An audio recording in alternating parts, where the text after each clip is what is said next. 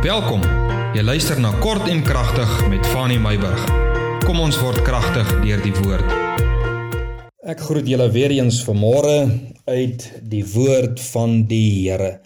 Ek wil met jou vandag gesels oor oomblikke van genade.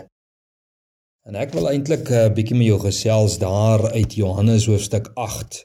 Net gou-gou klaar blaai daarna toe Johannes hoofstuk 8 vers 1 tot 11. 'n Verhaal wat ons eintlik almal baie goed ken. Ek het dit self al menigmale het ek boodskappe gebring hieroor, baie boodskappe al geluister. Dit gaan oor die oorspellige vrou wat uitgevang was deur die skrifgeleerdes en die fariseërs. Vers 3 sê en die skrifgeleerdes en die fariseërs het 'n vrou wat in egbreek betrap was na hom gebring en toe hulle haar tussen hulle in laat staan het, sê hulle vir Jesus: "Meester, hierdie vrou is op die daad van egbreek betrap Moses sê uh, vir ons in die wet en hy gee vir ons 'n bevel om sulke vroue te stenig. Nou vra hulle vir Jesus, "Wat sê u daarvan?" En so het Jesus toe nou neergebuk op in vers 6 met sy vinger op die grond geskrywe en het hulle nou aanhou om vir Jesus te vra, "Wat is u mening hieroor?" Toe sê Jesus vir hulle, "Laat die een van julle wat sonder sonde is, die eerste klip optel en haar gooi. En ons almal weet nou wat het gebeur. Almal het toe nou dit gelos en weggestap, maar dis nie waaroor ek met jou vandag wil gesels nie. Ek wil met jou gesels oor oomblikke van genade. En hierdie gedagte kom uit vers 11 uit. Vers 10. En toe Jesus hom oprig en niemand sien behalwe die vrou nie, sê Jesus vir haar: "Vrou, waar is daardie beskuldigers van jou?" Het niemand jou dan veroordeel nie? Vers 11 en sy antwoord: Niemand nie, Here. En Jesus sê vir haar: Ek veroordeel jou ook nie. Gaan heen en sondig nie meer nie. Hierdie vrou beleef op hierdie oomblik 'n oomblik van genade. Sy was veroordeel, reg, reg, nê? Nee. Sy was veroordeel deur die wet om gestenig te word was wet. Maar Jesus was deel van die prentjie op daardie oomblik en Jesus het ingegryp en haar 'n oomblik van genade laat beleef. Maar Jesus uit hierdie genade kans gee vir haar 'n duidelike opdrag en dit is: gaan en sondig nie meer nie.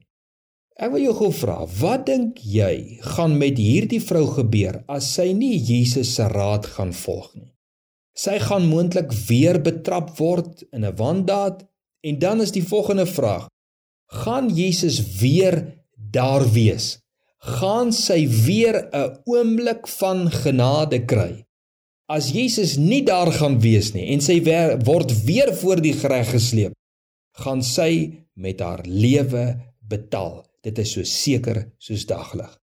Vir haar was dit belangrik om nie die oomblik van genade te minag nie en te let op die waarskuwende woorde wat Jesus tot haar gespreek het. Baie belangrik, nê? Nee? Sy het 'n oomblik van genade gekry en sy weet nie of sy dit weer sal kry nie. As ek jou hierdie vraag kan vra, ek vra myself die vraag: Hoeveel genadekanse het jy al gekry? Hoeveel keer het jy opsetlik misgetrap? Hoeveel keer het jy sag daarvan afgekom soos hierdie vrou? Hoeveel keer het jy 'n oomblik van genade beleef? Dink jy nie die Here het jou in daardie oomblikke genade kansse gegee nie? Besef jy nie dat hierdie genade kansse ook by jou gaan verbygaan nie?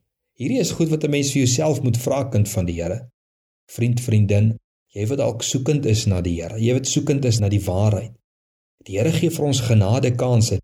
Net die feit dat jy nog lewe nadat jy soveel sonde dalk in jou lewe doen, soveel misstappe in jou lewe gedoen het. Net die feit dat jou huwelik nog staan, net die feit dat jy nog op skool is, net die feit dat jy nog jou kinders aan huis het, is genade kanse. En ons moet besef dat ons nie altyd genade kanse gaan hê nie. Jy weet hoeveel keer op skool het jy kripnotes gehad? Moet nou nie antwoord as ma naby is nie. Hoeveel keer het jy huiswerk afgeskryf? Hoeveel keer het jy take gekoop? Hoeveel keer het jy skelm gerook, gedrink, klas geskiep? Dalk gesteel en gelieg ensovoorts ensovoorts ensovoorts. Ek gaan nou nie al die goedjies opnoem nie. Hoeveel keer het jy genade kansse gekry? Hoeveel keer moes jy eintlik geskort geword het? Vir die ouer mense, hoeveel keer het jy onregverdiglik besigheidstransaksies aangegaan onder die tafel deur? Hoeveel keer pornografie binne buite die huwelik? Hoeveel keer verhoudings binne die huwelik? Hoeveel keer verhoudings binne jou alreeds vaste verhouding? Hoeveel keer het jy al jou meisie verneek? Jou aanstaande verneek? Sorry vir die Afrikaans.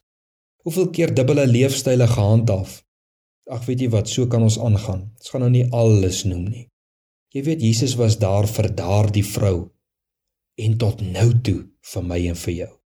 Die rede hoekom jy elke keer weggekom het My vriend, vriendin, dis nie omdat jy smart is nie. Jong mens, kinders, dis nie omdat jy smart is nie. Dis nie die rede hoekom jy weggekom het nie.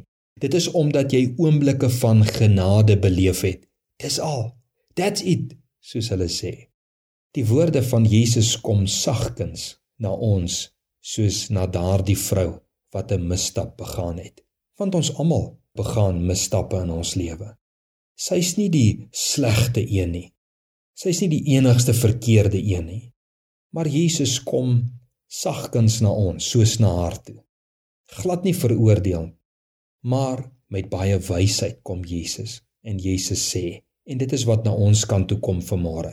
Gaan en sondig nie meer nie. Jy weet die wet het sy plek, nê? Jy besef dit. Die wet het sy plek en as jy genade vertrap, dan sal die wet sy werk doen waarvoor dit daar is. Want met reg sê die Bybel, die Bybel sê die wet is vir die wet oortreders.